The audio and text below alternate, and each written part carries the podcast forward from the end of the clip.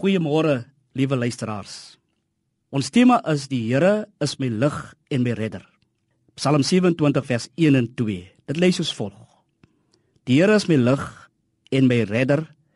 Vir wie sou ek bang wees? Die Here is my toevlug. Vir wie sou ek vrees?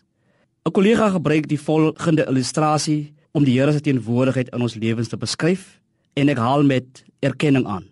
Is jy 'n gelukbringer? Iets wat u onwrikbaar glo vir jou geluk bring. Mense praat van tafwood. En as u so iets sê, dan is dit nodig dat dit nie sal gebeur nie. Die sê ding kom van die aanbidding van bome af toe mense geglo het. Gode bly in die bome en sal hulle beskerm as hulle aan die boom klop. Is u bygelowig? Sal u byvoorbeeld vir iemand sê God bless as hulle nie mense het geglo dat ons siel of gees in ons asem lê. Want as iemand sy laaste asem uitblaas, is hy mos dood en is sy siel uit sy liggaam. Hulle toe begin glo dat as 'n mens nies, sal jou siel vir 'n rukkie uit jou liggaam en gaan en as God dit nie keer nie, as hy jou nie sien nie, kan jou siel vir altyd weg raak. Dit is natuurlik 'n klomp onsin. Psalm 27 roep 'n eie wêreld op met 'n eie tyd, eie ruimte en eie doel.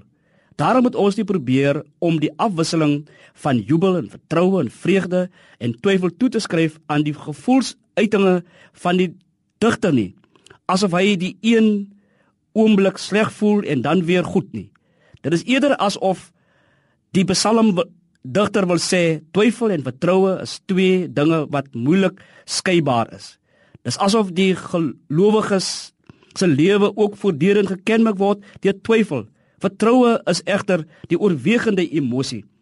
In die eerste gedeelte noem die digter al die rolspelers, God, homself en sy vyande. Hy beklemtoon die vertrouensverhouding tussen hom en God.